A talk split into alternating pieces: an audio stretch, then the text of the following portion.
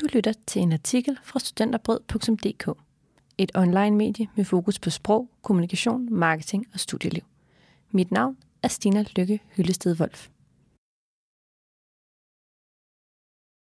Går du og overvejer at få børn, mens du studerer, men kan ikke finde ud af, om det er dumt eller faktisk en god idé, giver Studenterbrød gode råd til dig, der overvejer at få børn under studiet.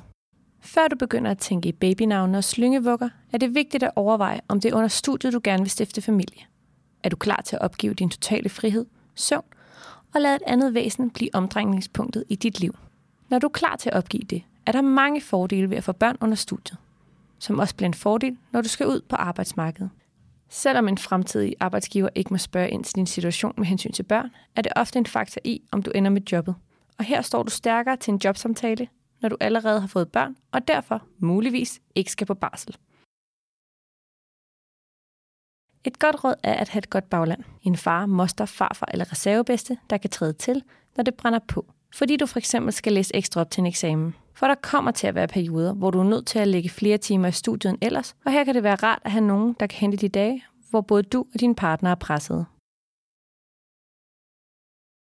Sæt dig ordentligt ind i reglerne omkring barsel under studie, tidsfrister, ekstra SU og hvor mange ECTS-point du må komme bagud i løbet af din studietid. Her kan din fagforening være behjælpelig og god at have i baghånden, hvis studiestedet ikke har helt styr på reglerne. Når du får børn, er det endnu mindre fedt at skulle vende hver en mønt sidst på måneden.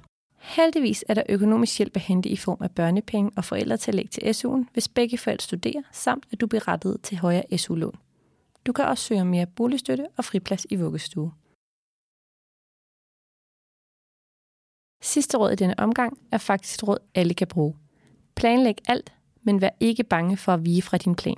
Børn er uforudsigelige, og det ændrer sig hele tiden, men det er en fordel at have en dagligdag, hvor der er sat tid af til læsning og fordybelse i studiet. Når alt det der er sagt, giver det også mange muligheder for børn under studiet. Du kan selv strukturere din tid, og du får meget mere tid med dine børn, mens de er små.